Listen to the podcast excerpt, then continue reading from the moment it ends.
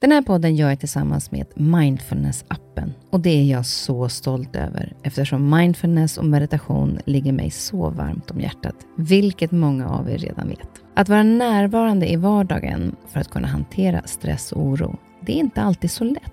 Då kan man ha mindfulness-appen nära till hands för att hjälpa dig när du behöver. För mig kan det vara så till exempel när det gäller sömnen, att vissa dagar då har jag riktigt svårt att komma till ro. Framför allt när det är mycket med jobbet. Då brukar jag använda mindfulness-appen och avsluta dagen med en avslappningsövning för att sänka stressnivån.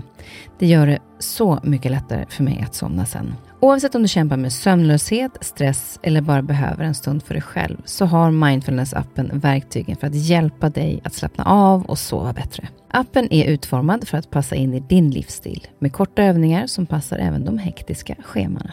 Som lyssnare till Nyfiken på så får ni 40% rabatt på prenumerationen av Mindfulness-appen. Länk till erbjudandet ja, det hittar ni i poddens Instagram, kaspersen nyfikenpa. Eller så går ni in på themindfulnessapp.com kristin. Det var precis som att jag, jag kände mig som två ton tung direkt. Jag ville, eh, det kändes som huvudet skulle explodera på mig. Eh, jag visste inte riktigt vart jag skulle titta eller vad jag skulle göra. Jag tittade på, på eh, Lina som sitter med Alfred i knät i, i sängen, hur, hur hennes reaktion blev. Jag ville kräkas rätt ut. Jag ville bara ställa mig och skrika. Men det kunde han ju inte göra, för att Alfred sitter ju där och, och skrattar som vilket barn som helst. Och han har inte förstått att han har fått en, ett sjukdomsbesked som, som man skulle kunna dö av om man inte får rätt behandling. Du lyssnar på en podd från Perfect Day. Veckans gäst är Andreas Janliden som är pappa till Alfred. När han var tre och ett halvt år så drabbades han av leukemi. Nu har det gått tre år sedan han insjuknade och är idag frisk. Alfred kommer att i hela sitt liv få gå på läkarbesök för att se att sjukdomen inte kommer tillbaka, men de ser sig själva som friska idag. Andreas är engagerad i Ajaberg Cancer som jag kom i kontakt med när de 2021 fick pris på Svenska hjältar-galan. En ideell organisation som hjälper och stöttar familjer som är drabbade av barncancer. Under tiden Alfred var sjuk hade Andreas, hans fru Lina och syskonen Smilla och Gustav stort stöd från Ajaberg Cancer där de kunde dela oro och upplevelser med andra som förstod vad de gick igenom och också få hjälp på olika sätt att förbättra vardagen för dem under den här tiden. Alfred är såklart den som drabbas hårdast i familjen, men det är ett trauma även för föräldrar och syskon. Hur hanterar man ett besked att sitt barn drabbas av cancer?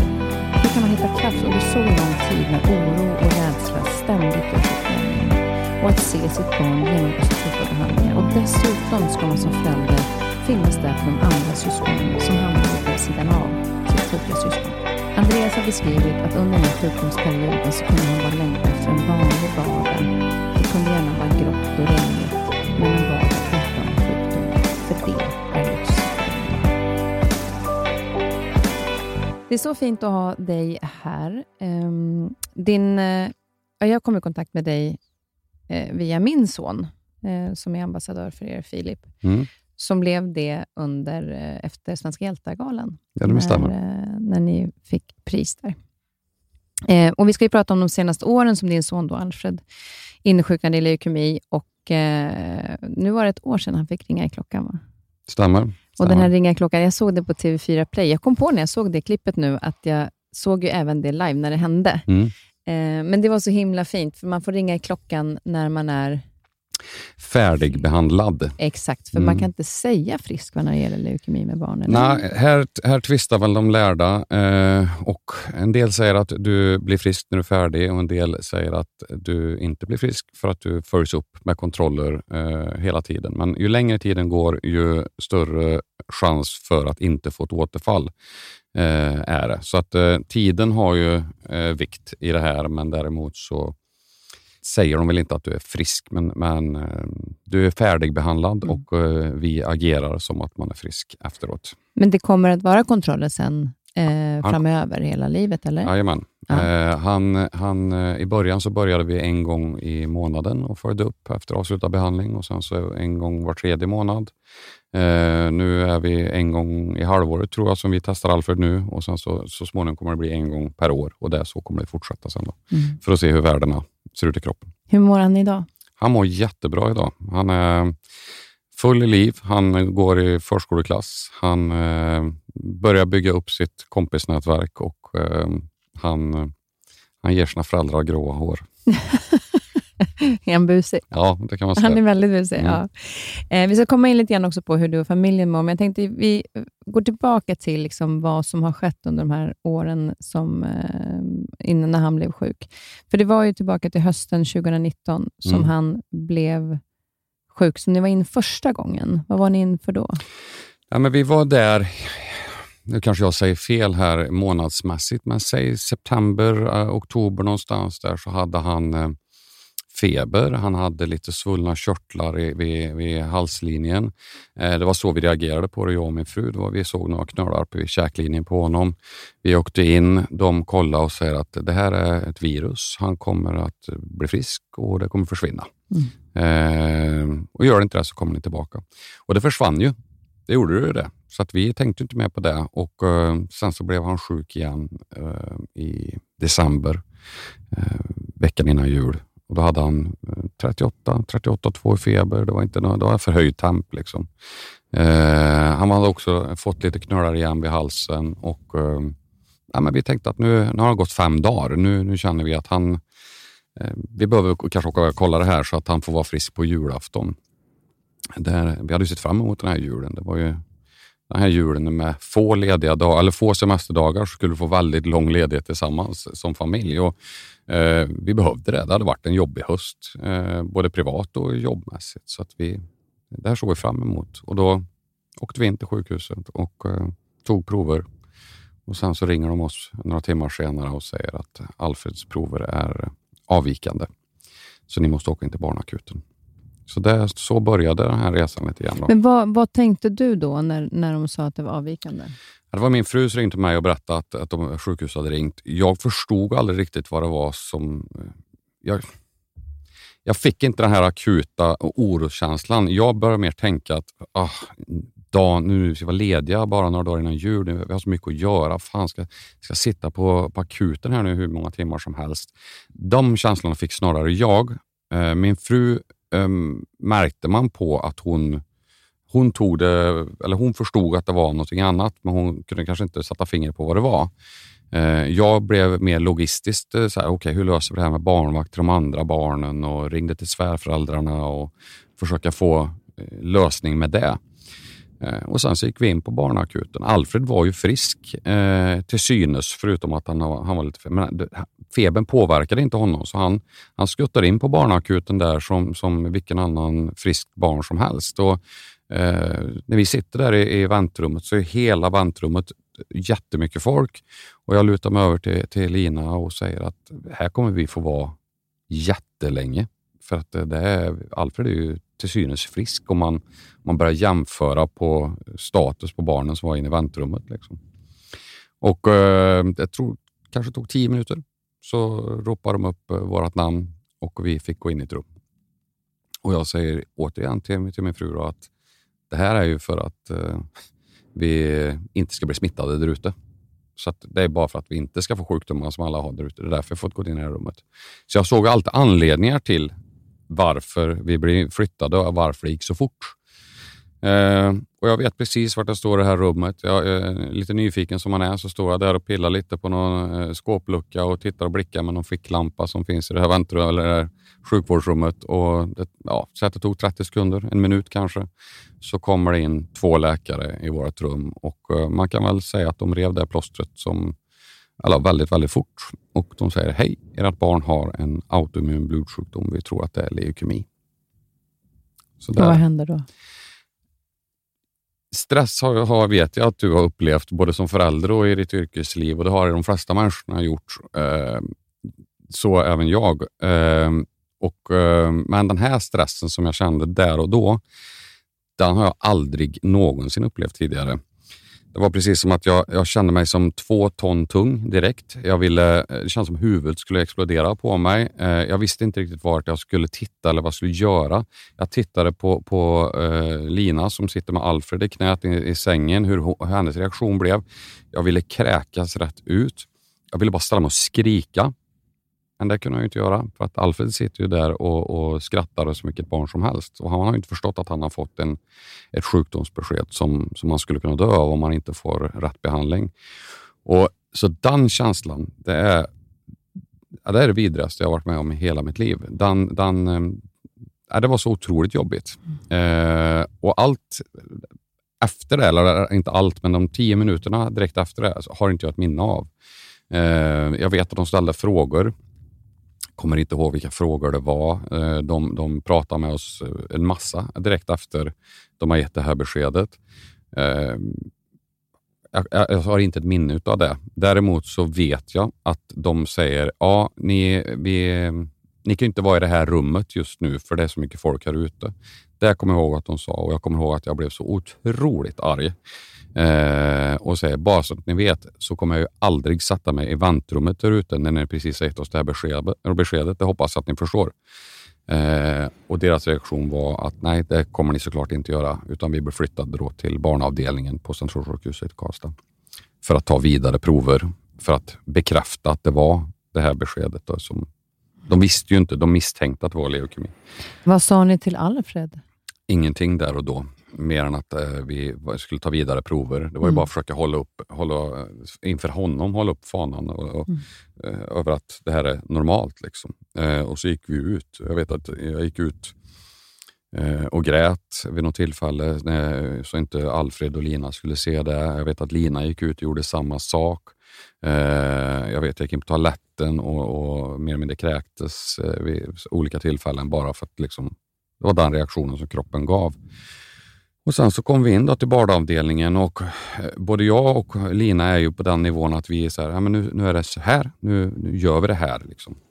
Eh, och De skulle ta prover på Alfred. Jag var, jag var inte där att jag orkade ta en konflikt om, om vad jag tyckte eller hur jag tyckte de skulle göra, utan man var snarare att nu litar vi på sjukvården. Och eh, eh, de började ju, eh, skulle ta, sätta infarter på Alfred eh, i hans armar eh, för att kunna ta blodprover om det behövdes ta mer blod eller även kunna ge medicin ur armen. Eh, och de stack honom eh, väldigt mycket. Eh, och efter x antal timmar, jag tror det var kanske två, tre timmar, så, så blev vi klarar inte det här. Ni får åka ner till till narkos. Och så det var de, svårt att få... De fick inte in infarten för han har så små blodkärl. Och det hade jag informerat dem om som tidigare, då, men, men eh, som sagt, de, de gjorde försök uppe där i alla fall.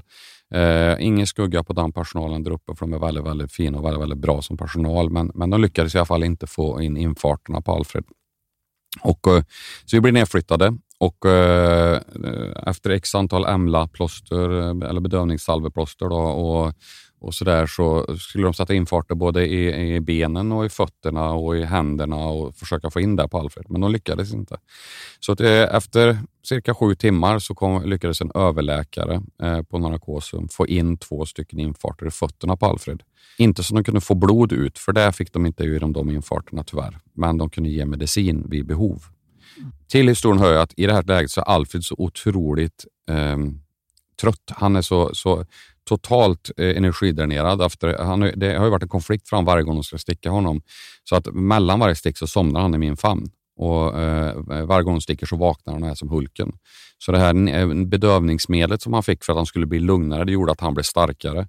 Och Varje gång som förälder då, att sitta och hålla i ditt barn, bara tvångshålla ditt barn för att de ska kunna sätta en infart, det, det, bara det är ju traumatiskt som förälder, men än värre för ett barn att, att någon någon i hans absolut närmsta trygghet som ska skydda honom till, för allt ont i hela världen sitter och tvångshåller honom och, när de ska sticka honom. Men det var ett nödvändigt ont där och då. Och Så, allt det här skedde liksom den här första dagen? Ja, det här är de första sju timmarna kan man säga, eller första åtta timmarna. Uh, sen så blir ju vi inlagda, då, eller Alfred blir inlagd med en av oss föräldrarna. Vår uh, andra son är hos uh, mormor och morfar Eh, nu pratar vi, klockan är kanske 11 på kvällen. Och då är Alfred fyra och Gustav är? Ja, Alfred är tre och ett halvt och Gustav, Gustav är då sex och ett halvt. Mm. Eller ganska nyligen sex fyllda var Gustav då. Eh, Smilla, och min, andra do- eller min dotter, eh, var hos sin mamma och hon är vid det här tillfället är 13, 14. Så henne hade jag ju liksom börjat informera, men jag visste inte riktigt hur jag skulle informera det för henne. Jag pratade med hennes mamma och jag pratade med Smilla om att förklara vad det var som var på gång. Eh, och Jag visste att Maria, som också är utbildad inom sjukvården, kunde på något sätt förklara för, för Smilla vad det var som för, försiggick. Eh, Gustav hade ju ingen aning. Lina blev inlagd då med Alfred. Jag skulle åka hem, eh, hämta eh, Gustav, för jag visste, han hade verkligen sagt att jag vill att pappa hämtar mig när han är färdig på sjukhuset. Så det spelade ingen roll att klockan var 11, halv 12 på kvällen, så skulle jag hämta Gustav och det gjorde jag. Så jag gick in till dem, hämtade en sovande Gustav, bar in honom i bilen, körde hem honom, eh, bar in eh, honom eh, i sängen, eh, lägger mig bredvid. Jag kan inte sova, men Gustav ligger och sover. Sen så eh, när klockan är sex, då, eh, började, då tänkte jag att du kan inte sitta i sängen längre. Där har jag suttit där vaken i, i flera timmar. Så då eh, gick jag ut och började göra ordning, packa ordning grejer, eh, väckte Gustav vid sju och sen så körde jag tillbaka honom till mormor och morfar. För nu är det lördagen då. Och eh, åkte in till, till sjukhuset med grejer till Alfred och Lina.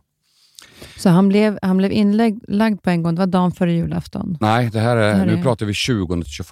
Så 20, så, ja, så 20, nu är vi inne på den 21 december. Mm. Och Då har de tagit ett stick i fingret. Eftersom de inte har lyckats få infarter som de kan blod av så, så tog de ytterligare ett stick i fingret och hoppades på att de skulle få den mängden blod så att de kunde göra en, en analys på blodet för att se om proverna visade att det var cancerceller i blodet även den här gången. Och Då, då um, gjorde de det och fick samma resultat. Och Då säger de till oss att ni måste åka ner till eh, Göteborg. Ni ska till Sahlgrenska, det är Drottning Silvias barnsjukhus. Eh, Alfred måste sövas. De kommer att ta ett benmärgsprov för att bekräfta vad det här är. Eh, ni har en sövningstid imorgon, söndag klockan nio på morgonen. Så Alfred måste fasta från tolv på natten. Ja, så åk hem, bjud hem hela familjen, packa grejer. Ni kommer förmodligen bli kvar i Göteborg ganska länge. Så att packa med er det ni behöver. Ni kommer vara där en stund. Med den vetskapen också att julen är på, eh, på tisdagen, är ju julafton, så, så packade vi ihop våra grejer i bilen och eh, hade med oss allt ner. Eh, jag pratade med, med Smilla och, säger, och frågade om hon ville följa med ner. Hon säger nej, men blir ni kvar så kommer jag ner efteråt, säger hon. Vi eh, Eh, bjöd hem familjen och tackade, eller liksom kramade om varandra och, och, och sa hej då och god jul till allihopa eh, på lördagen hemma hos oss. Och sen så på natten då så väckte vi barnen vid tretiden och så satte vi oss i bilen och körde. Jag har fortfarande inte sovit än eh, sen natten till fredagen. Eh, det går inte. Eh, vi bara sitter och pratar och gråter och så. Jag kunde inte somna i alla fall. Så jag satte mig i bilen och kör ner eh, till Göteborg Eh, med då två sovande barn i bilen och eh, min fru. Vi kommer ner till Göteborg vid halv nio ungefär. Går in på Drottning Silvias barnsjukhus. Vi ska upp till barncanceravdelningen. Jag kliver in i hissen, bara fryser till is. Jag kan inte trycka på knappen för det står barncancer. Det går inte. Eh, och Jag vet inte än idag hur vi kom upp till avdelningen, för att jag tryckte inte på knappen. Eh, möjligt att mitt barn gjorde det, eller mina barn gjorde det, eller att eh, Lina gjorde det. Jag vet inte. Jag vet bara att jag kunde inte trycka på den knappen som det stod barncanceravdelningen på. För då blev det så otroligt verkligt. Och eh, kommer in, möts av världens mest fantastiska personal, eh, kramar om oss. Eh, de visste ju vad vi går igenom. De har jobbat med så otroligt många som har gått igenom samma sak, så de förstår ju någonstans kanske känslan mer än vad, vad andra kanske kan göra. Eh, de gav oss lite tips om vad vi kanske inte borde göra eh, för att eh, må sämre. Vad var det? Googla sjukdomen mm. var kanske det starkaste tipset. Då. Och ehm, Det gjorde jag inte. Jag har inte gjort det i dagsdatum heller. Vilket kanske låter märkligt med tanke på vad jag även jobbar och engagerar mig i, men jag mm. har inte klarat av att googla sjukdomen. Eh, vi skulle ju sövas nio Nio eh, kom och vi, Alfred rullades inte iväg. Eh, jag sitter där, och börjar bygga upp någon form av aggressioner och börjar bli arg igen. För det var eh, mitt första känslospann som jag kopplade på. Jag blev otroligt arg första perioden. Eh, som sedermera psykologen också bekräftade att du är ledsen, men ilskan är ditt närmsta känslospann här. Ehm, men tiden gick. Klockan blev elva, ingen. Klockan blev tolv, ingen. Alfred har inte ätit frukost. Han har ju fastat sedan tolv på natten. Så då kom de in och satte dropp på Alfred för att hans hunger skulle lägga sig. Ehm, sju på kvällen fick vi rullades iväg. Och nu med, med, med så tid eh, och, och, förståelse så förstår jag varför och, och accepterar varför och jag, och jag, förstår varför de gjorde så. Där och då så var, förstod inte jag vad som var viktigare än mitt barn. Alfred har cancer. Vad är det som tar tid? Men det var andra som kom in och var mycket sjukare som behövde såklart ha en mer akut vård än vad Alfred behövde där och då. Så nu förstår jag och nu kan jag acceptera och respektera det. Men där och då så var det väldigt svårt. Men ens, det är väl ändå så att ens förälders oro och rädsla mm. ser man ju bara sitt eget barn. Så ja, det är väl är ganska, det. ganska naturligt i det, den känslan. Ja, men det är det. Men fick ni, var ni tvungna att vara kvar då, eller kunde ni åka hem och fira jul med dem? Med, eller blev ni kvar på sjukhuset? Vi blev kvar på sjukhuset. Då, så det, den detta var ju den 22 december. Den 23 december så var jag nere på... Då, då visste vi, då har man sagt att ni kommer få vara kvar här. Ni kommer vara kvar i, i alla fall över jul. Jag ringde till min dotter. Hon åker tåg ner till Göteborg. Eh, så jag skulle hämta upp henne på, på tågstationen. Jag är på lekterapin eh, i, på Drottning Silvias barnsjukhus eh, med Gustav, då, min andra son, och leker. Då ringer Lina ni måste komma upp, läkarna på väg in och ska berätta, berätta resultatet. Och Då var klockan 20 över ett ungefär. Eh, jag vet jag sitter i rummet. Ehm, um, 13.25 så eh, kommer läkaren in och eh, bekräftar att eh, Alfred har leukemi. Ehm, det var det var 94 procents leukemiceller de såg i benmärgsprovet. Så det var eh, någonting som heter pre-B-ALL, som är akut lymfatisk leukemi. Det är en väldigt vanlig leukemiform, eh, men också en väldigt aggressiv eh, cancerform. Eh, och eh, sen så... Och det här var ju, jag, min reaktion jag hade ju redan fått den här tok, galna reaktionen som jag fick i Karlstad. Så det, jag visste att det här ändå var på gång, men eh, känslan var ändå... Det, det, det, är en surrealistisk känsla som man upplever där och då, när man får det där beskedet. Eh, så min direkta fråga till läkarna var ju, kan ni ta mitt blod, min benmärg, så att jag får dö och att Alfred får leva, så gör det nu. Eh, nej, det funkar inte så. Nej, det var ju jävligt synd. Eh, men, och sen så För rädslan var direkt att, att han kommer att dö? Ja, det var, och det, den har jag tampats med under hela perioden. Eh, de pratar om att det är, ja, men det är fina eh, siffror på uh, statistik på tillfrisknad och, och, och överlevnad på, på, på barn, eh, cancer och, och framförallt leukemi. Jag tror det var 94 procent på leukemi. Men vilka procent tänker man på som förälder? Det är inte 94 procent, du tänker på 6 procent. Mm. Eh, och den känslan hade man ju med sig in i allting. Eh, även om sköterskorna visste, eller läkarna visste att det här är bara en enkel grej att göra. Det här är ingen fara. Det här, så var det det största som kunde hända där och då för mig som förälder. Så den oron skapade ju otroliga katastroftankar hos mig eh, som eh, bara har växt med åren också. Eh, att... Och, och vad, vad, kände, vad var Alfred i det här nu? För han måste ju förstått nu att det var ju allvar. För den kommande behandlingen som skulle sättas in? Mm. Han, han, vi, vi har ju varit otroligt öppna med vad det är han har haft. Eh, så skulle Alfred sitta här bredvid mig nu så skulle han sitta och säga att han har haft cancer, han har haft leukemi, han har haft elaka celler i kroppen och eh, de har botats med guldmedicin. Mm. Eh, så nu kan cancer dra åt helvete, skulle förmodligen Alfred säga. Men han förstod ju inte vad det var. Han, och det gör han ju inte än idag. Han vet ju inte vad cancer är som vi som vuxna vet hur cancer är. Eh, Gustav, han var ju lite mer medveten, men han förstod ju fortfarande inte. Gustav förstod att cancer kan man dö av. Eh, för det hade ju också hans kompisar som hade kunniga, kunniga saker på skolan berättat. Aha, min morfar eller min eh, bla bla bla hade cancer och eh, den dog. Så då den, pratar man bara om cancer och inte... Exakt. Mm. Så att eh, när eh, Alfred var på sjukhuset i Karlstad med Lina och jag ligger hemma med Gustav en dag. Det här, jag kommer aldrig glömma den här dagen. Det här är bland det jobbigaste jag varit med om. Jag, varje gång jag tar upp det här så är det jobbigt för mig, men, men det är fortfarande så pass viktigt att belysa det. Så är det vi, vi ligger i sängen, jag och Gustav. Jag har läst eh, bok, jag har sjungit för honom. Vi ligger och pratar som vi gör. Det har vi alltid gjort när vi lägger. Eh, så säger Gustav från Blixt från Klarberg himmel, pappa om Alfred dör så vill jag dö. Han var sex år när han sa det. Och Jag vet inte riktigt än idag hur jag... Jag kommer inte ihåg hur jag svarade. Jag vet inte hur jag skulle svara om jag skulle få den kommentaren igen. Jag vet bara att den meningen kommer för alltid vara med mig. Att en sexårig, min sexåriga son säger att om hans lillebror dör så vill han dö. Eh, och det var jättejobbigt.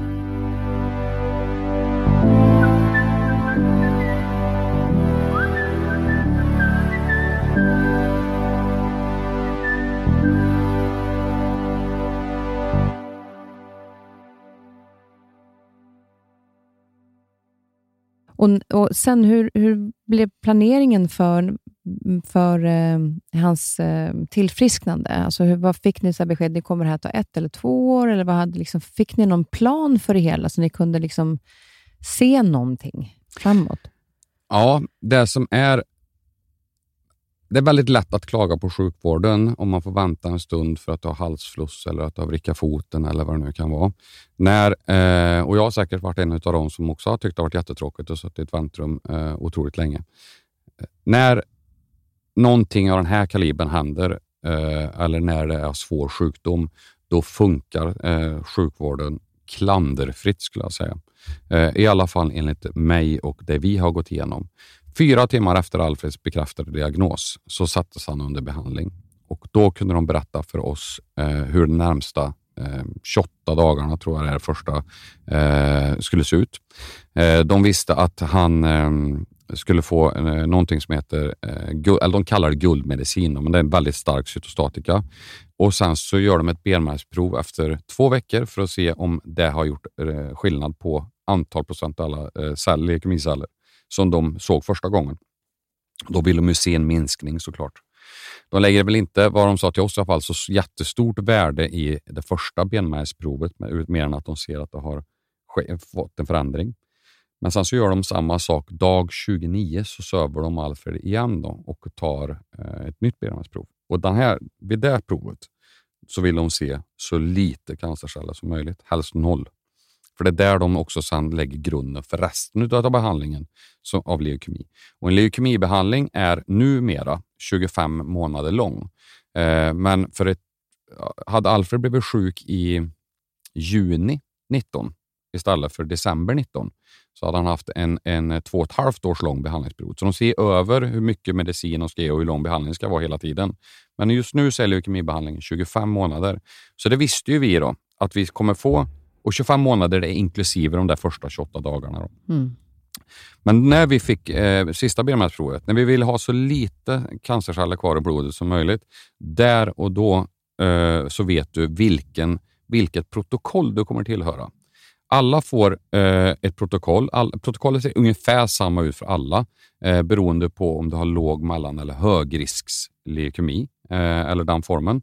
Eh, så att eh, han eh, får ungefär samma mediciner, men du kanske får i högre doser. Du får någon extra eh, eh, behandling av någon viss specifik medicin, ju högre risk du har. Och Risken bedöms ju på hur många leukemiceller som finns kvar. Mm. Dag 29 gjorde de här provet. Eh, på grund av, jag vet inte riktigt vad, men, men så blev vi inkallade till möte dag 35. Så det har gått nästan en vecka sedan benmärgsprov och vi visste ingenting.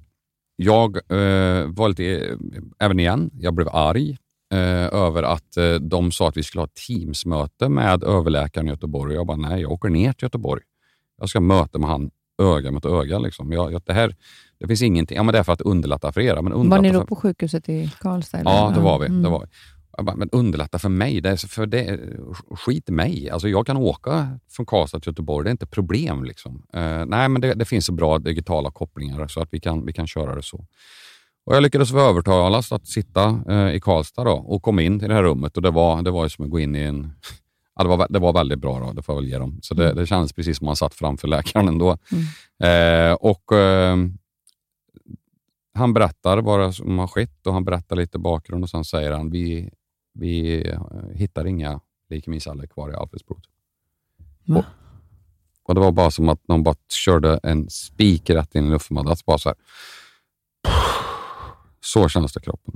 Tårarna bara började rinna på mig. Jag visste inte vad jag skulle Ska jag skratta? Ska jag, jag, jag, jag visste inte vad jag skulle göra.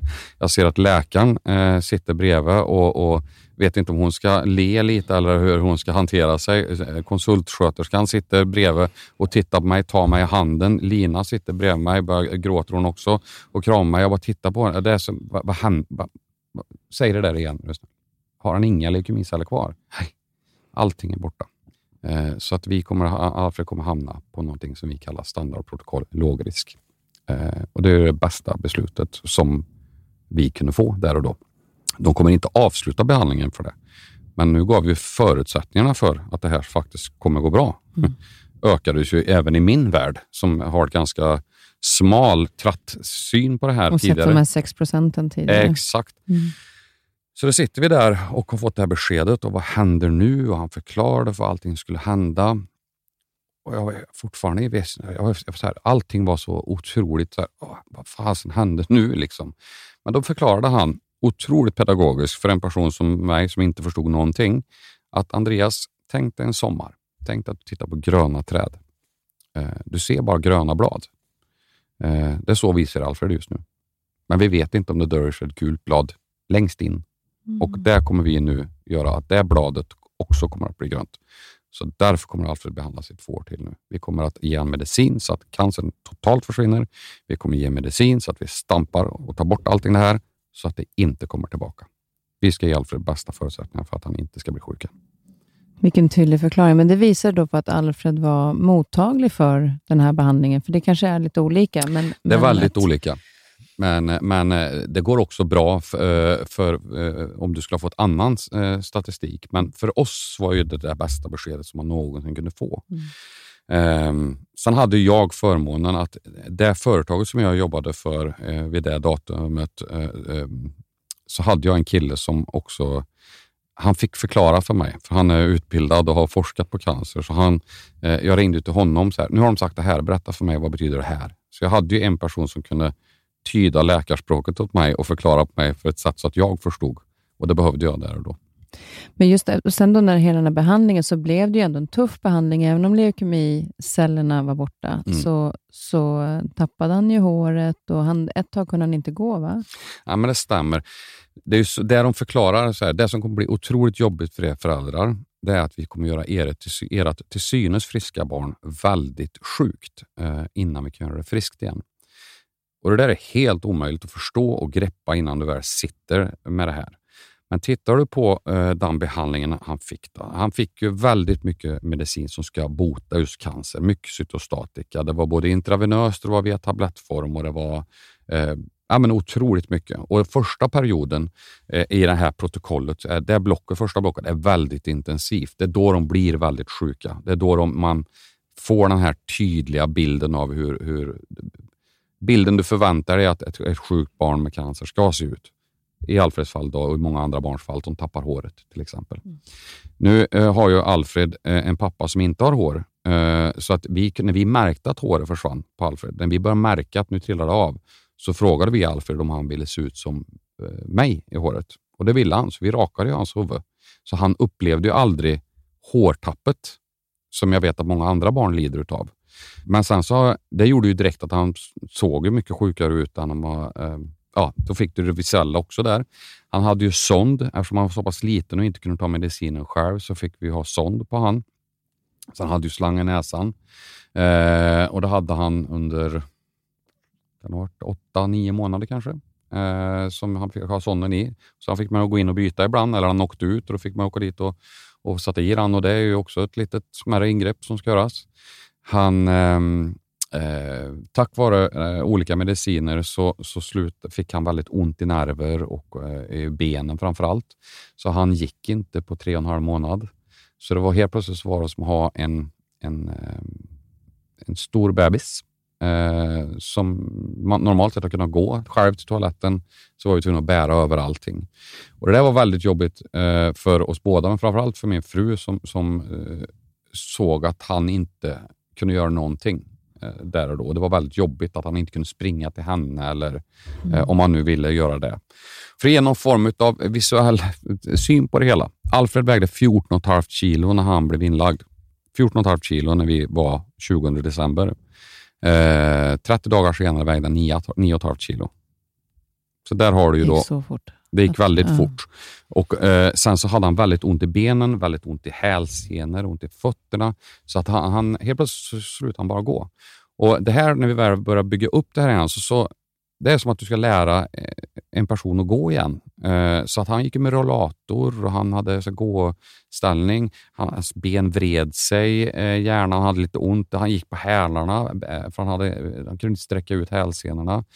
Ja, men han hade kämp, jättekämpor med det här, så vi hade ju hjälp av fysioterapeuter på sjukhuset som försökte verkligen hjälpa oss och ge oss övningar. Och vi, vi kunde stå och träna på hemma, plocka, plocka saker från översta hyllan som man var tvungen att sträcka på sig till exempel. Eller försöka få honom att röra på sig så han kom igång. Då. Och successivt så kom det här tillbaka. Men det jag tänker på också var ju att under den här behandlingsperioden då, som började eh, då i början på året 2020, mm. sen kom det en pandemi. Mm. Eh, hur påverkade det er? För man fick ju inte vara på sjukhuset eh, Eh, så många. Nej, det påverkade ju... Ja, vi, nu vill inte jag säga att vi har det värre än någon annan, för alla, alla har det olika jobbigt. Men, men eh, vi hade lite otur kan man väl lugnt säga eh, där. Alfred eh, blev sjuk som sagt i slutet på 19 och eh, när hela hans behandlingsprocess pikade eh, för som sagt, han får en medicin som kanske botar cancer, men sen får han en medicin som botar, botar biverkning på den medicinen. En medicin som botar biverkningar på den tredje medicinen och så vidare. och Så vidare och så vidare.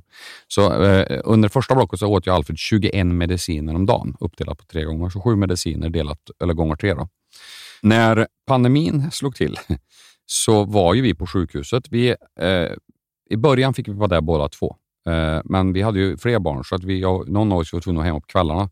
Så, men när pandemin slog till så skulle vi inte få vara där tillsammans. Så en fick vara hemma och en fick vara där.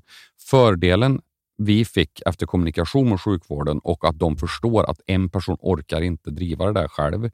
Eh, till exempel ligger man inne ett dygn för att få 24 timmars dropp, då ska du byta eh, blöja varannan timme för att du får inte ligga i cytostatikakiss.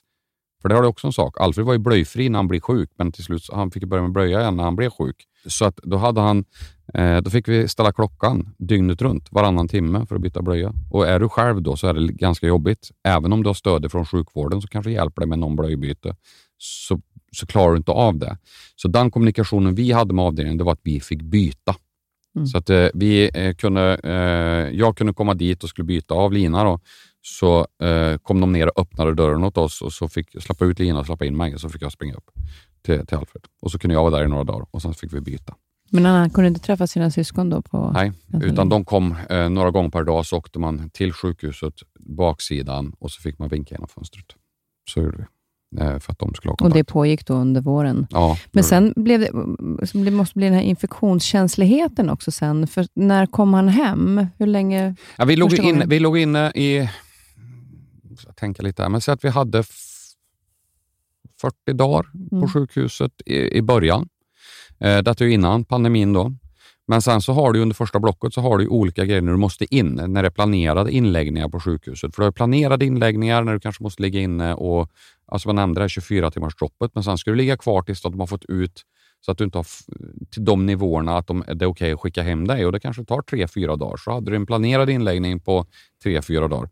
Men var det så att Alfred blev sjuk, fick han feber under den här perioden. För att han har ju, det som det gör det tar ju ner massa värden i hans eh, blod, då, bland annat då, immunförsvaret till exempel och neutrofila värden som de pratas om. Så att eh, hans värden skulle ligga mellan ett visst spann. Det gör att han är mer mottaglig också för sjukdomar. Eh, så fick han feber, till exempel, vanlig feber, över 38 grader, då skulle vi ringa till sjukvården och säga nu har Alfred 38 graders feber. Ja, då skulle vi ta ett, blod, eller ett, ett tampen igen efter en timme. Har han fortfarande 38 grader, då skulle vi inte sjukhuset. Mm. Hade han över 38,5 då fick vi order om att åka in direkt. Då behövde vi inte ringa innan. Då skulle vi bara åka in. De gjorde plats, plats för oss även om det inte fanns plats. Eh, bara för att då var vi tvungna att in. Och då sattes Alfred på, för, alltså direkt på, på behandling med penicillin utan att de väntade på svaret. Eh, det var direkt bara för att de skulle mota om det var något riktigt allvarligt. Då. Så i och med, med den vetskapen och sen då så får vi eh, världen en pandemi på halsen där ingen vet någonting, gjorde vi att vi gick ju, vi isolerade oss ju totalt. Vi hade en väldigt bra dialog med skolor eh, och, och fritids eh, till de andra barnen. Eh, jag hade en otrolig förmån, eh, ska jag säga, eller fördel snarare, inte förmån, men fördel av att min dotters rektor hade gått igenom samma sak med sin son för 25 år sedan. Så han förstod Så han säger, det du behöver, det får du. Det Smilla behöver, det får hon. Behöver hon vara hemma, då får hon det. Vi löser hemstudier för henne. Så jag hade otroligt hjälp ifrån, från eh, hennes skola och hennes eh, lärare och rektor i en annan stad. För henne, hon bodde i Arvika, eller hennes mamma bor i Arvika. Och sen så med min sons skola och fritids, eller min andra sons skola och fritids, de var också väldigt hjälpsamma. Så vi hade, när det var mycket sjukdomar, ja, då höll vi Gustav hemma också. Just det, för risken att inte han tar hem någonting Exakt. som kan påverka Alfred då i nära det är ju en helt, eh, det är helt ofattbart, och jag nämner också det i inledningen, att det här är ju ens förälders största mardröm, att, att någonting ska drabba ens barn. Precis som du säger, att det här, ta hellre mig än, än mitt barn. Och också det här hur syskonen påverkas runt omkring. Och nu eh, känner jag så här, hur var det för dig när du är förälder till ett sjukt barn och så har du två barn till som behöver dig också och mamma. Mm. Men om vi pratar om dig nu då, eftersom det är du som är. Eh, hur, när vilade du? När kunde du någonstans återhämta dig? För antingen var det ju Alfred på sjukhus eller behandling och sen var det ju att de behöver ju sitt. Hur, hur fick ni ihop det? Det där är en jättebra fråga och det där var en jättejobbig fråga för mig. Eh, Alfred Veckan efter Alfred har fått eh, sitt besked, eller, vi kom ju hem till Karlstad eh, och Centralsjukhuset i Karlstad den 28 eh, december. Då blev vi ju inlagda på Centralsjukhuset, så vi åkte ju bara från ett sjukhus till ett annat. Den 29, om jag inte minns helt fel, så hade Gustav innebandyträning och jag är ju innebandytränare för hans lag. Och eh, jag sa till Lina att jag vill så otroligt gärna att Gustav ska gå på innebandyn och att jag åker dit med honom för att jag vet att det är det han vill. Eh, ingen av de här visste ju att Alfred hade fått det beskedet, så jag åkte dit och hade, var innebandytränare tillsammans med andra eh, föräldrar, eller några andra föräldrar, eh, för väldigt många barn. Och så fick jag springa ut på toaletten en gång var tionde minut och gråta och så tillbaka in och försöka kämpa för, för att, eh, ha, att de skulle ha kul. För att Gustav skulle få vara med sina kompisar som han var innan. Eh, med vetskapen om att han visste ju om vad det var som försiggick, men han försökte hålla ett sken uppe för det här. Är det någonting som jag har kämpat med och haft det jättejobbigt så är det just att jag inte har varit tillräcklig för mina andra barn. Att jag inte har funnits där för mina andra barn. Det är min känsla. Det eh, folk i närheten av mig säger att du har gett jättemycket uppmärksamhet till dina andra barn också, men de kanske inte har fått det de fick exakt innan. Men de mm. förstår och ser det som att du sätter det på lite paus i något år, så får man ta, ta tillbaka det sen när man har möjligheten att göra det och de kommer att förstå det. Så den känslan fick jag bära med mig. Men det har, har fortfarande varit väldigt jobbigt att jag inte har kunnat gjort saker och ting med mina andra barn på den utsträckning som jag kanske normalt sett har gjort innan. Um, jag vet att jag ville ge, ge någonting till Gustav, jag ville ge någonting till Smilla uh, efter det här. Så att jag säger till Gustav, vill du gå på fotboll? Ja, men det vill jag göra, säger, säger Gustav. Ja, men du, då fixar jag biljetter. Så jag fixade biljetter till Sverige-Ryssland. Det var landskamp på Friends, tror jag. Det äh, var Friends Arena som spelade. spela. Jag hade fixat biljetter i alla fall. Jag hade bokat hotell, jag hade köpt tågbiljetter. Och så säger jag till Gustav, där ska du och jag göra. Kul. Ja, då stängs det ner, för då kom pandemin. Så att Alfred, Gustavs återigen fick ställa, ner, stänga, ställa in sin som han hade, skulle, vad han skrev få göra. Och Det var ännu eh, jobbigare slag i magen. Att nu hade vi planerat att göra någonting, men så hände det här. Och Det hände ju för alla och jag köper att det är lika jobbigt för alla som satt och hade Friends-biljetter eller eh, fotbollsbiljetter. Men det var precis som att jag kände att jag svek min son igen. Samma sak med Smilla. Vi skulle åka till Stockholm och ha en, en pappa-dotter-helg eh, och åka iväg och shoppa här. Eh, och Då fick vi reda på att nu går det så otroligt mycket corona i Stockholm så att vi avrådde att åka. Ja, fick hon också ställa in. Så att de där grejerna har jag kämpat väldigt mycket med, men jag har också försökt att se dem vid olika tillfällen, att vi har försökt att göra saker tillsammans. Och De har varit väldigt inspelade hela tiden på vad det är vi har gått igenom och vad det är vi har gjort och de har haft förståelse för det. Sen så är det, har väl båda mina andra barn ventilerat att de har tyckt att vissa saker har varit jobbigt och det kan ha kommit ut i frustration. Men de har ändå förstått eh, vad det är som pågår. Och de har också vågat visa sin frustration ja. eh, och ni har bemött den. För det är ju någonstans det också som att de inte biter ihop heller, utan det är väldigt fint på ett sätt, även om det är jobbigt att se, att mm. de kan visa det. Ja, det har varit jättetydligt. Väl, det är väl liksom rädslan och oron, såklart, som, tänker jag, att, som gör att man blir frustrerad, rädd, vad händer? Alltså, allt det här som man inte kan påverka. Mm eh, måste ju ta sig ut i någon, någon uttrycksform.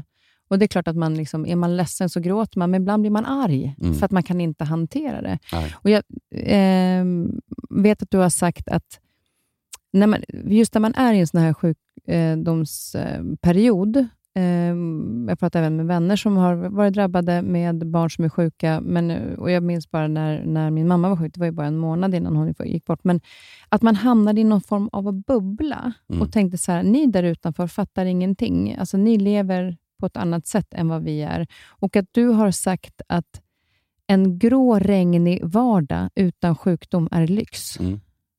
Det är exakt så det är.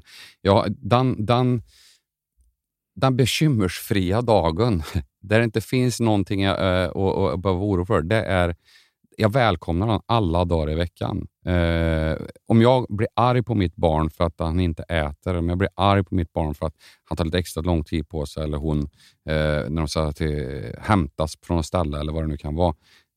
Att jag har möjlighet att bli arg på det här barnet eh, där och då, det betyder att han mår bra eller hon mår bra.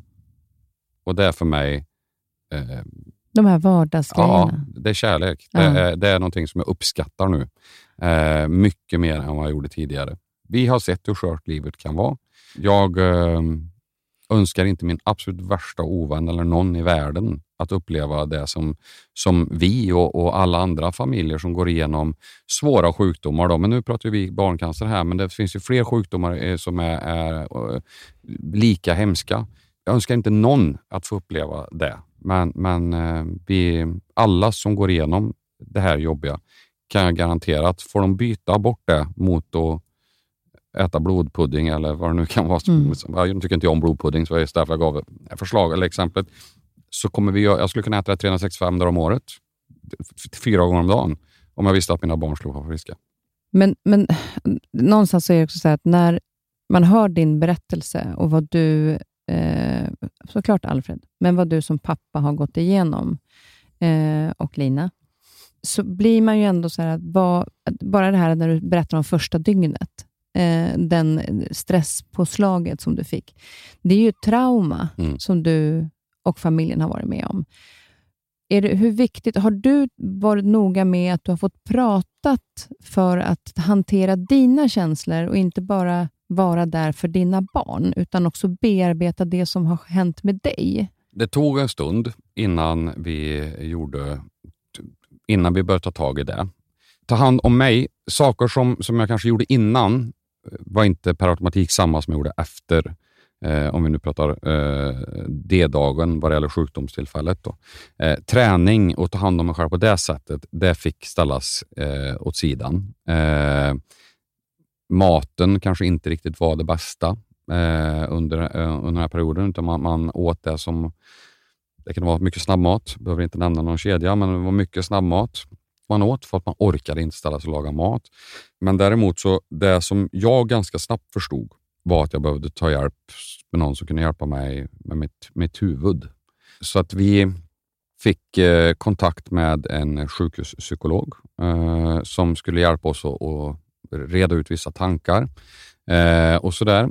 Eh, jag var inte mottaglig för hennes hjälp där och då. Vad kände du då när de, när de sa att du kunde få den hjälpen? Ja, men först välkomnade jag det, men när jag förstod lite innebörden av det där, eller rätt sagt, jag förstod inte innebörden av det där och då, så kändes jag att nej, men det här be- behöver inte jag ha. Det, här vill inte, det är inte det här jag behöver. Så jag tog eh, kontakt med egen psykolog. För, tyvärr så får du inte den stödet via eh, sjukvården eller eh, försäkringsbolag, utan då får du bekosta det själv. Eh, så vi tog, eh, både jag och Lina tog hjälp av psykolog som var ja, men hjälpte oss med de här akuta tankarna och liksom försöka bli människa igen kan man säga. Och det, det var vä- väldigt nyttigt för mig. Lina tror jag inte var på samma plats som vad jag var där och då och mottaglig för det. Lina bestämde sig direkt att det här ska vi fixa och blev den största klippan som jag haft vid min sida eh, genom hela det här. Jag skulle inte vilja gjort det här med någon annan person, för hon, var, hon har varit stark när jag har varit svag och vi har växeldragit. Så att, eh, jag var ganska svag, eller väldigt svag och, och i första perioden eh, utav Alfreds eh, sjukdom. Så första halvåret så mådde jag riktigt, riktigt dåligt. Eh, och då, Lina var jättestark. Och sen så, eh, däremot på henne så kom det lite snarare på slutet av allting, när man kunde börja slappna av. Då började det komma på henne istället på ett helt annat sätt. Det jag gör nu, idag, fortfarande, det är att jag eh, har kontakt med en psykolog där vi eh, traumabehandlar. Vi, vi, eh, vi försöker komma till, till roten med saker som jag är inte bara livrädd för, utan jag är, alltså det är skräcktankar i vissa fall. Som, man, som jag innan kanske inte tog så allvarligt på eller inte var så rädd för innan. Ehm, så det bearbetar vi nu eh, och det har hjälpt mig otroligt mycket också för att komma fram och kunna släppa vissa tankar och vissa för jag är fortfarande rädd, jätterädd för vissa saker eh, när det kommer till mina barn och framförallt Alfreds eh, sjukdom. Mm, finns det något specie speciellt som du känner rädsla över, som, som kickar igång den här stressen? Att han ska få tillbaka det mm. eh, och med det eh, dö. Ehm, sen så är det, eh, kan det vara helt banalt att han skulle sätta halsen. Eh, så kommer det inte han satte halsen och det blir problem, utan satte halsen och dö. Så allting har den Mm. Tanken den kopplingen med, den till kopplingen att han kommer att dö. Ja, mm. och det är otroligt jobbigt att hantera. För Jag vet att ni var också in på sjukhuset nu bara för ett tag sedan, för han fick feber. Mm. Eh, det var ingenting som hade med, med cancer att göra, utan han hade feber. Men du fick en känsla då när du gick in i ett rum. Tror du att den är kopplad till det här, för du beskrev väldigt tydligt när du var i det här sjukrummet, när han kommer in och berättar beskedet.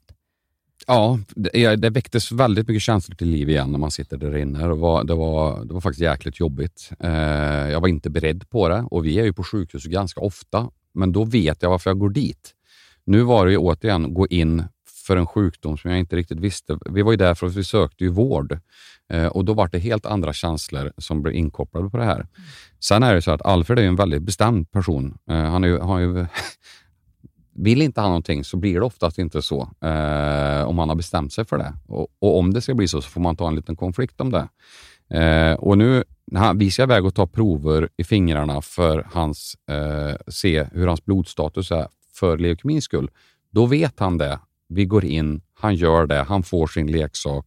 Vi går tillbaka till avdelningen och får lite snack och sen så åker vi hem. Och det är han okej okay med. Han är inte stickrädd efter alla stick som han Nej, han är inte det. Men han, han, eh, det, han tycker inte om det, mm. men han kan få, helt plötsligt få för sig att han är stickrädd när, han, när det händer på en nivå där han inte får ha kontrollen. Så Alfred har ju varit, saker som han kan kontrollera, så har han sagt nej till. Och Då har en annan jobbig sak som hänt som förälder. Alfred, det enda han kunde kontrollera när vi var inne på sjukhuset det var att han, in, att han bestämde vem som skulle få pussa honom eller krama honom. Mm. Och, eh, och en, en, stund under behandlingen så säger han att eh, ja, nej, pappa, du får inte pussa mig. Jag vill inte ha en kram till dig. Och så kan han säga till mamma också. Eh, för det var hans sätt att få bestämma över sig själv. Och det är bara att acceptera och, och vara så här, ja, jag förstår det. Och, jag, och det enda du vill är att krama honom? Ja, och det, så kan det vara. Och samma sak är det här nu med när vi var här. Han, han skulle, hade jag sagt att nu ska vi ta prover i fingret för dig för, att, för leukemins skull, då hade han bara absolut. Så han sökt fram handen. Nu var det så här, aldrig i livet. Ni får inte sticka mig. Glöm det. Och då är det så här, okej, okay, då börjar få jag de här minnena igen att när jag sitter och tvångshåller mitt barn, du måste göra det. Och då sitter jag så här, okej, okay, hur kan jag göra det? Kalla det muter eller vad som helst, men alla föräldrar eh, som har gått igenom det här vet vad jag menar nu. När man säger, okej, okay, du får ett gosedjur i sjukhuskiosken om du gör det här. Eller du får vad godis. Man gör vad som helst. 100 procent. Ja. han bara, ja pappa jag vill att du sticker dig i fingret innan mig. Jag bara, absolut. Så att då fick jag säga till sjuksköterskan, du, du måste ta blodprov på mig först innan du får ta på Alfred. Och hon bara, okej. Okay. Ja, så då fick jag sitta Varje prov han tog när vi var där fick de ta på mig först. Bara för att jag skulle visa att det var lugnt. Och då gick han med på det. Mm. Men vi har hela tiden försökt att prata om sjukvården, sjukhusbesöken, som ändå som någonting positivt. Eh, och försökt att ha... Och det har också hjälpt dig på vägen? Det har hjälpt oss jättemycket ja. på vägen.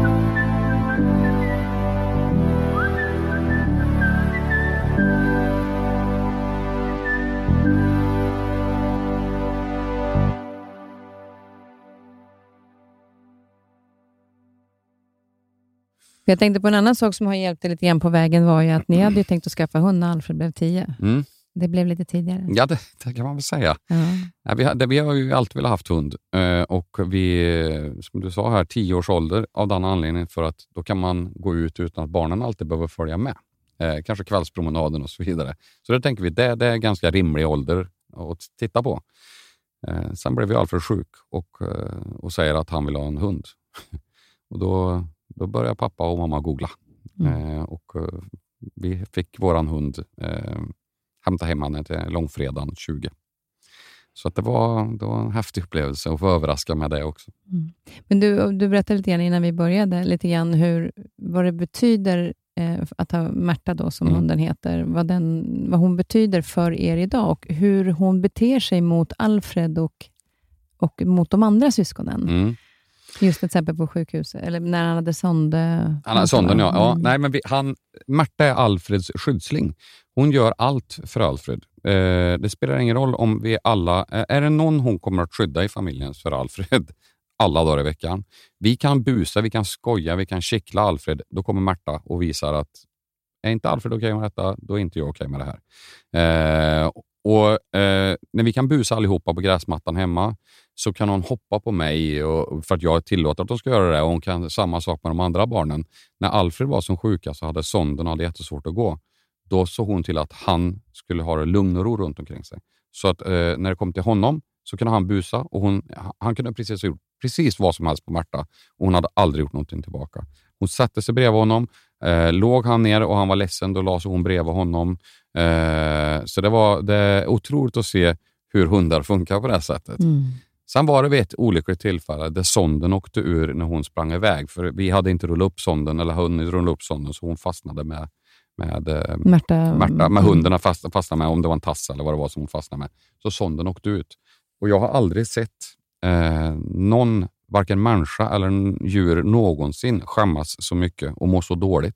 Så jag fick ju gå fram, och liksom, vi, i familjen fick gå fram och krama Märta och, och liksom trösta henne för att, att det inte var hela världen för att vi, det hade hänt. Och så fick vi åka in till sjukhus och sätta ny sond. För hon tyckte det var så jobbigt. Ja. Men det är helt fantastiskt hur en hund kan känna in på det sättet. Och Det har vi sett också i, i Hjältegalan, när de Mm. ser de här olika hundarna, att de förstår ju så mycket mer än vad vi någonsin kanske kan känna in, med tanke Ja. på att vi kan ju prata och förklara, Mm. men de känner ju in. Och den är ju helt fantastisk. Ja, det, det, det, var, det är en mäktig upplevelse att se faktiskt. Mm. Så att det är... eh, Nej, det har varit, varit ett fint tillskott till familjen. Mm. Så det, Märta betyder väldigt mycket. Men sen är det också så att du googlade inte. Nej. Nu ska vi komma in på en väldigt eh, fin sak som, som har betytt väldigt mycket för er och som betyder väldigt mycket för många andra familjer som drabbas av cancer eh, med sina barn. Mm. Och Det är ju ajabaja-cancer, Mm. eh, som då var med i eh, Hjältegalan Mm. eh, 2021. Mm. Eh, och vad, där är du engagerad. Då. Vad, hur kom du i kontakt med ajabaja-cancer? Du kan berätta lite om vad... För de, de, det är ju två stycken som själva eh, fick barn, hade barn som drabbades av cancer eh, och de eh, bestämde sig för att göra någonting för att det betyder mycket att prata med varandra som andra som har drabbats av samma sak. Exakt. Elinor och Tove heter ju de som grundade Ayabaya Cancer och de möttes som du säger på eh, en eh, barncanceravdelning här i Stockholm. De såg behovet av att kunna finnas där för varandra eh, och kunna kanske hjälpa varandra med presentkort och så vidare. Det är så det som det grundades. Eh, jag kom i kontakt med Ajabaja när jag är i Göteborg. Jag sitter i uppehållsrummet på Barncancercentrum där på Drottning Silvias barnsjukhus och ser en lapp framför mig. Eh, där står “Vill du gå på bio? Kontakta Ajabaja Och eh, ja, men det, det kan vi väl göra. Kanske jag kan bjuda mina andra barn. Liksom, var min tanke. Så att jag mejlade eh, Elinor som var kontaktuppgiftshavare på Ajabaja och fick svar att tyvärr är de biljetterna slut. Men eh, vi kanske kan hjälpa er på annat sätt. Eh, och på så vis kom jag i kontakt med Eleonor Då. Och, eh, då började vi diskutera, eller prata lite fram och tillbaka. Vi eh, visade upp, vi behöver ju bekräfta att Alfred var under behandling såklart. Eh, och eh, det gjorde vi och sen så när vi kommer hem till, till Karlsten så har hon eh, skickat ett presentkort på eh, ICA eh, till oss hem eh, och kontaktat då min lokala ICA-handlare eh, som eh, Eh, är, på Hammarö där jag bor. Så vi fick presentkort därifrån också.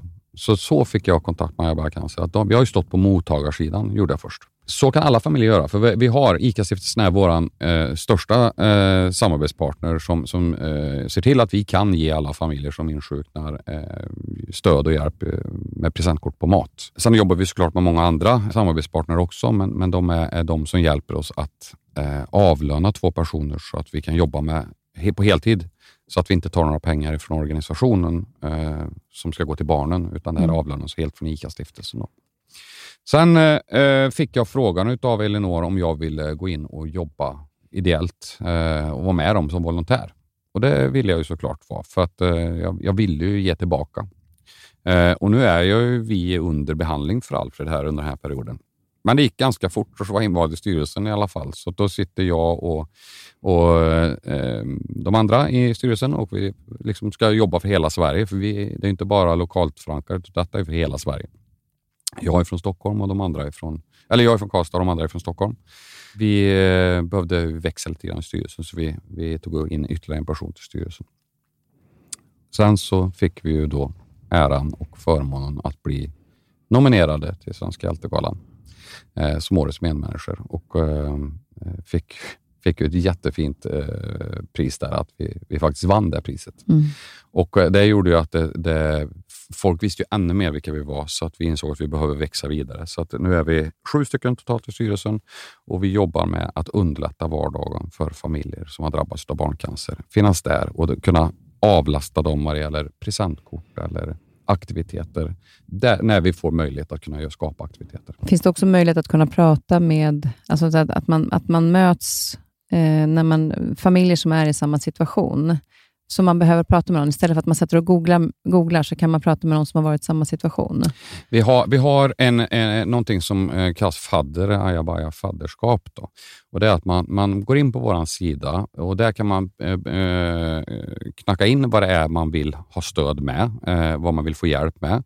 Och Då har vi en, ett fadderskap där och då, då försöker vi få de personerna att få kontakt med varandra. Vi kan fråga någon person om skulle du kunna tänka dig att vara fadder? Eller, och det eh, eh, jag kanske är en sån som, som de får prata med, eh, men det kanske inte betyder att det är samma cancersjukdom. Men det är ändå att man har gått igenom samma sak och man kan ge tips. Så det, har vi, eh, det är en del vi jobbar med. Eh, vi ehm, kan göra olika aktiviteter eh, där vi bjuder in familjer eh, och då träffas ju de familjerna där. Sen har vi ett samarbete med Mindler som vi erbjuder familjer gratis, online-psykologer. Eh, och, ja, bland mm. annat. Då. Eller att man kan söka presentkort då på, på um, ICA eller på någon annan eh, presentkort som vi kanske har för stunden. För det är lite olika vad vi väljer att köpa in på. Men vad betyder det för dig att få vara med och göra det här i liksom din process också med det du har varit med om själv? Det har varit eh, den totala räddningen för mig, skulle jag säga. Eh, Ajabaja har gjort så otroligt stor skillnad för mig i mitt mående, i min bearbetning med Alfred och, Alfred, eh, och hela hans resa och vår familjs resa. Men också ett sätt för mig att få ge tillbaka och kunna vara med och hjälpa andra eh, som går igenom samma eh, som vi har gått igenom. Alla de superhjältarna som, som jag anser att alla eh, barn är som går igenom det här och kunna få vara med och, och, påverka deras resa till, så att den blir lite bättre för dem. Eller att de, de kanske kan få en hälsning från en ambassadör eller det kan mm. vara en, en, eh, att vi, vi faktiskt lyckas eh, skapa någon dag eller vad det nu kan vara, där vi dels har med kanske ambassadörer eller att eh, de, de får träffa andra som går igenom samma sak. Eller, eh, vi har ju haft eh, andra aktiviteter där, där familjer kan träffas. Det, det är så otroligt värt och det gör så gott i hjärtat och man mår så bra över att kunna få ge tillbaka till det här och få vara med och, och kunna utbyta erfarenheter. Jag kommer faktiskt ihåg, så just på Svenska Hjältegalan, så hade, jag var där med min dotter då, så hon var med eh, när vi sitter där borta. Och efter vi har, vi har fått priset så eh, jag kramade jag såklart min dotter, men så gick jag upp och kramade en annan familj som jag visste har gått igenom samma sak som med, som vi hade bjudit in från Ayabaja Cancer. Och det spelar ingen roll om vi hade stora sponsorer eller samarbetspartner, för den jag ville ge kram, det var inte de som har skickat på massa pengar, det var de som har gått igenom samma sak. Mm. Det var viktigt. Och så, eh, det, det, det är svårt att förklara. Ja, men jag förstår. Och, och grejen är att, att det här med att, att be, få vara delaktig och hjälpa andra, att bearbeta det som du själv har gått igenom, som du nu gör med de här, att du går och pratar. Mm. Eh, det är också för varför vi pratar om det är också för att inspirera andra som går igenom det, hur viktigt det faktiskt är. Mm. Hur skulle du säga, vi pratade i början så pratade vi om hur Alfred mår, men hur mår familjen idag? Syskonen och du och Lina? Vi mår bra. Eh, vi hade ju en, när Alfred blir sjuk så säger vi att när han är frisk, för det var det vi såg, han ska bli frisk. Även om eh, andra mörka tankar kom in längs med vägen och man, så man kanske inte adresserade till hela familjen hur du tänkte, så var det att när han blir frisk, då ska vi åka på en friskresa som han får bestämma. Det var så enkelt var det bara. Och det gjorde vi. Vi var på, vi åkte Rhodos, bestämde att vi skulle åka till. Så vi var på Sune i sommar, Sune i Grekland, Mm. hotellet. Där hade han bestämt att vi skulle åka. Så dit åkte vi. Och nu försöker vi fånga och leva livet så mycket det bara går. Alfred går i förskoleklass, Gustav går i trean, Smilla går i gymnasiet, Lina och jag är tillbaka i jobb och vi jobbar. Eh, vi mår jättebra. Eh, men sen är det vissa dagar som kanske är lite mer besvärliga än andra. Eller, och då är det skönt att jag vet ju att jag kan ringa till Elinor eller jag kan ringa till, till andra som har gått igenom samma sak eh, och prata med dem. Och framförallt, jag kan prata med min egen familj. Eh, eftersom man behöver någon att prata med och lyckligtvis så kan jag prata med min bästa vän och tillika min fru, då, för hon har gått igenom exakt samma sak Mm. eh, som man kan adressera. Och Det har vi varit väldigt tydliga med i vår process. Att, och Det var vi tidiga med att säga att vi måste uttrycka hur vi mår. Eh, jag till Lina, du måste berätta för mig hur du mår så att jag vet om jag måste vara extra stark idag och vice versa. Och Vi måste tillåta varandra att göra det som vi tycker är roligt så att vi kan bygga energi eh, och få energi utav det. Sen är ju inte det så här, nu ska jag leva livet som jag alltid har gjort, utan ja, men i mitt fall, då, jag tycker om att spela golf och då sa jag till Lina att jag vill spela golf. Ehm, ja, men då ska du få göra det. Eh, och hennes del, ja, men det här är viktigt för mig och då skulle hon få göra det för att bygga energi. Men vi har varit väldigt transparenta i hur vi har mått och att vi har kunnat kommunicera med varandra. Och Det har också gjort att ni har klarat den här resan så pass bra tillsammans som ni har gjort. Absolut. Det, eh, Vår relation var stark innan, men den är hundra gånger starkare idag. Du, vi ska börja avrunda lite grann, men innan vi gör det, så eh, vad är du nyfiken på? Eh, jag är nyfiken på...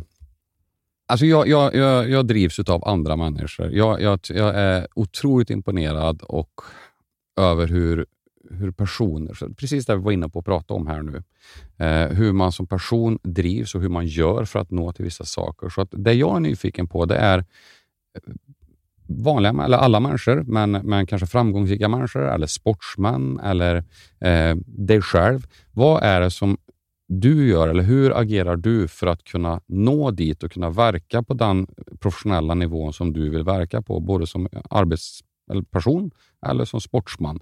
Och vad är, implementerar du i ditt sätt att arbeta som andra människor kan kanske få copy-pasta, copy with pride, eh, Mm. för att kunna stärka sitt liv? Det är jag lite nyfiken på. Intressant. Ehm, är det någonting jag ska svara på nu? Nej, jag kan ju bara, liksom, ehm, när du tittar åt mitt håll, så är det ju jag kan ju vara intresserad, alltså, liksom just det här med drivkraft till exempel. Under många år så hade jag en enorm drivkraft liksom framåt. Där jag klättrade, liksom, man ville nå dit och man ville göra det här programmet. Och man ville liksom, jag ska fasiken visa att jag kan för mig själv, men för andra. Mm. Liksom. Det fanns ju olika typer. Och det här programmet tycker jag är spännande. Det här skulle jag vilja göra. Så det fanns ju olika sådana saker som, som gjorde att det kanske... Men jag har ju varit i en period faktiskt där jag har varit så här, alltså nu är barnen stora. Eh, jag kan inte säga drivkraften att göra någonting för dem. Eh, jag har jobbat och har liksom ett fantastiskt jobb. Och så här, vad, Hur hittar man nya mål? Mm. Och då märker jag så här, man har nästan, jag har nästan bråttom att hitta, för man ska ha en drivkraft framåt hela tiden. Istället för att också säga, ja, fast nu är jag ju där som jag har längtat efter att vara. Att jag är inte nöjd, men jag är på en bra plats. Kan jag göra det jag gör ännu bättre? Istället för att gå upp ett snäpp ytterligare, vad det nu är. Mm. Att det är en och Det här tycker jag är så spännande, för det är det här med personlig utveckling. Mm. Det är ju där- därför jag har den här podden. Jag är ju så nördig i det här, så det är kul att du ställer frågan. Vad är det egentligen som, som driver den? Och måste vi hela tiden... Det är klart att vi ska gå framåt, men ibland kan jag känna att vi också drar framåt så mycket så att vi glömmer att vara här. Mm. Alltså, det är idag. Idag gör jag det bästa av jag kan idag. Jag kan jag gick från en, ett äh, möte, skulle gå till, tillbaka till kontoret, skulle köpa lunch på vägen. Och Det här nu när jag jobbar då med att jag ska börja bli lite lugnare i min balans med min ADHD. Och på vägen, jag, jag stannar på det här stället och köper lunch. Plötsligt kommer jag på att jag har gått förbi det här stället. Jag har inte ens lagt märke till att jag har gått förbi det. Men då, då tar jag på nästa ställe som var då i närheten av kontoret. Och Sen blir jag stå utanför kontoret utan lunch. Mm. Därför att jag var redan på kontoret. Mm.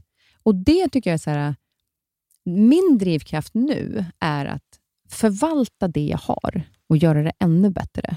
Hur kan jag göra den här podden ännu bättre? Liksom, hur kan jag... Och Det tycker jag också är så otroligt spännande, för det är en ny fas. Mm. Men att se mycket mera i dagen, som du pratar lite grann om, att vi lever här och nu. Alltså när man gått igenom saker så är det så oerhört viktigt att se det vi har. Och Vi har ju en enorm drivkraft framåt många gånger. Mm. Men vad fan, ja, gå framåt, men tappa inte vägen på, till, på väg till målet. Mm. Det är inte bara målet, utan var på resan också. Mm, mm. Du, nu när vi ska avsluta så brukar vi alltid avsluta med en låt. Ja, eh, jag vet inte. Jag tror jag eh, kanske sa att jag gillar två låtar, men jag tror mm. att det är Thomas Stenström, Ser du månen, som eh, ni har valt. Och det är en låt som betyder jättemycket för mig. Den har varit med genom hela Alfreds resa och vår familjs resa. Eh, jag blev otroligt tagen när jag sitter på eh, Svenska Ältegalan och in kliver Thomas Stenström och spelar den låten. Den har varit med genom hela resan mm. och betyder väldigt mycket för oss eh, och för mig eh, i både glädje och i sorg. Men den ger mig också en stor kraft i att göra det jag gör och varför jag gör det. Eh, att kunna hjälpa alla de här små superhjältarna där ute som går igenom den här kampen. Så att, eh, den här låten betyder mycket för mig. Men då ska jag avsluta med den. Och vi ska också säga då att um, om man vill komma i kontakt med Aja Bergcancer, eh, så finns det ett Instagram. Ja, eh, Instagram. Vi har ett Facebook-konto, vi har LinkedIn-konto och vi finns ju då på www.ajabajacancer.se. Men Kristin, jag har faktiskt en fråga till dig också. Mm. Det är så här att eh, vi jobbar med ambassadörer på vår organisation och jag eh, undrar om du skulle vilja bli ambassadör till Ajaberg Cancer. Men vilken fin fråga. Och Jag vet ju att det är fantastiskt att vara ambassadör för er eftersom eh, dels det ni gör eh, och jag har haft förmånen att sitta i eh, juryn när vi tog fram er till Svenska hjältar och eh, dessutom är min son ambassadör och han har pratat väldigt, väldigt mycket om det. var han som tipsade och tyckte att jag skulle ta in er och var mm. på mig om det. Och Det var ju självklart. Så att, ja, absolut. Vad glad jag blir. Tack. Det gör jag så gärna. Fantastiskt. Tack för en fin fråga. Tack. Den eh, välkomnar jag. Tusen tack Andreas för att du kom hit och berättade er historia. Tack snälla för att jag fick komma. Varje gata bär på något Även när du är långt bort Tänd ett ljus och lys upp natten För allt vi inte sagt